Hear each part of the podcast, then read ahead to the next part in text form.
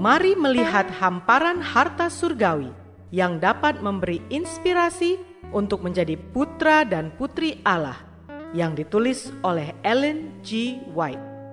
Melalui renungan pagi ini, kita akan mempelajari nasihat yang menguatkan dan memberi semangat untuk memperbaiki karakter kita. Bersama Mana Multimedia Ministry, selamat mendengarkan.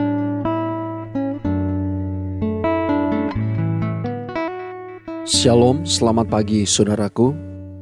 Renungan pagi kita hari ini 24 Februari berjudul Kita tidak akan membunuh. Bersama saya Pendeta Andre Daembani. Ayat intinya diambil dari Keluaran 20 ayat 13. Demikian firman Tuhan. Jangan membunuh. Mari kita dengarkan penjelasannya. Semua perbuatan yang tidak adil, yang cenderung memendekkan umur, roh kebencian dan dendam, atau pemanjaan hawa nafsu yang membawa kepada perbuatan-perbuatan yang membahayakan terhadap orang lain, atau menyebabkan kita sampai menginginkan mereka celaka, karena setiap orang yang membenci saudaranya adalah seorang pembunuh manusia. Kelalaian untuk mengurus orang-orang miskin atau menderita, semua pemanjaan diri atau penahanan diri yang tidak perlu, atau pekerjaan yang berlebihan sehingga cenderung merusak kesehatan, semuanya ini sampai kepada tingkat yang lebih besar atau kecil adalah pelanggaran hukum yang keenam. Beberapa orang mengorbankan kewajiban jasmani dan moral berpikir hendak mendapat kebahagiaan, dan mereka kehilangan baik jiwa maupun tubuh. Yang lain akan mencari kebahagiaan mereka dalam pemanjaan selera yang bukan sewajarnya, dan menganggap pemanjaan selera itu lebih diperlukan daripada kesehatan dan hidup. Banyak membiarkan diri dirantai oleh hawa nafsu kebinatangan dan akan mengorbankan kekuatan jasmani, intelek, dan moral untuk memuaskan nafsu birahi. Mereka akan membawa diri mereka ke dalam kubur yang belum waktunya, dan pada hari pengadilan akan dibebankan dengan pembunuhan diri sendiri. Roh kebencian dan dendam berasal dari iblis, dan itu mengajak dia membunuh anak Allah. Barang siapa menyayangi dengki atau perangai yang tidak bermurah hati, berarti menyayangi roh iblis itu, dan buahnya akan membawa kepada maut. Dalam pikiran dendam, perbuatan jahat itu ada terbungkus seperti tanaman dalam bibit.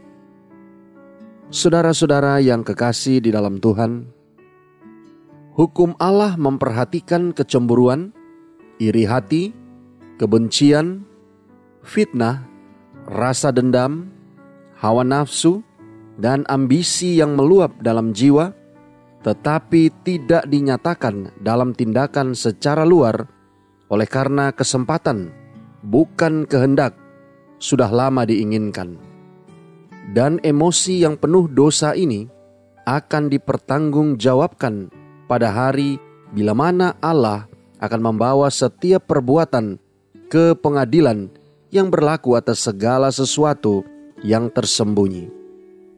Kristus adalah kebenaran, penyucian, dan penebusan bagi barang siapa yang percaya padanya. Ia menaruh di hadapan kita suatu teladan yang sempurna akan penurutan kepada hukum Allah. Doa kita hari ini. Bapa, terima kasih.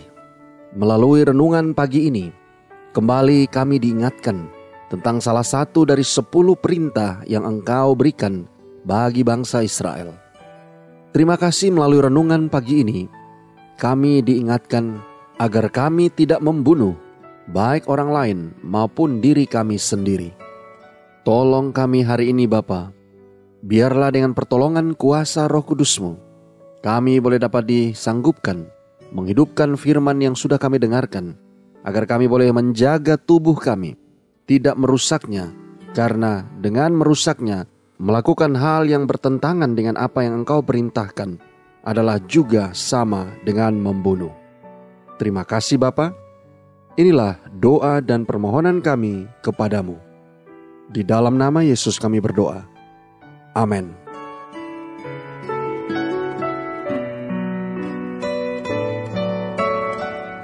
Demikianlah tadi pembahasan tentang menjadi putra dan putri Allah. Semoga firman Tuhan hari ini menjadi berkat bagi Anda. Sampai jumpa, Tuhan memberkati.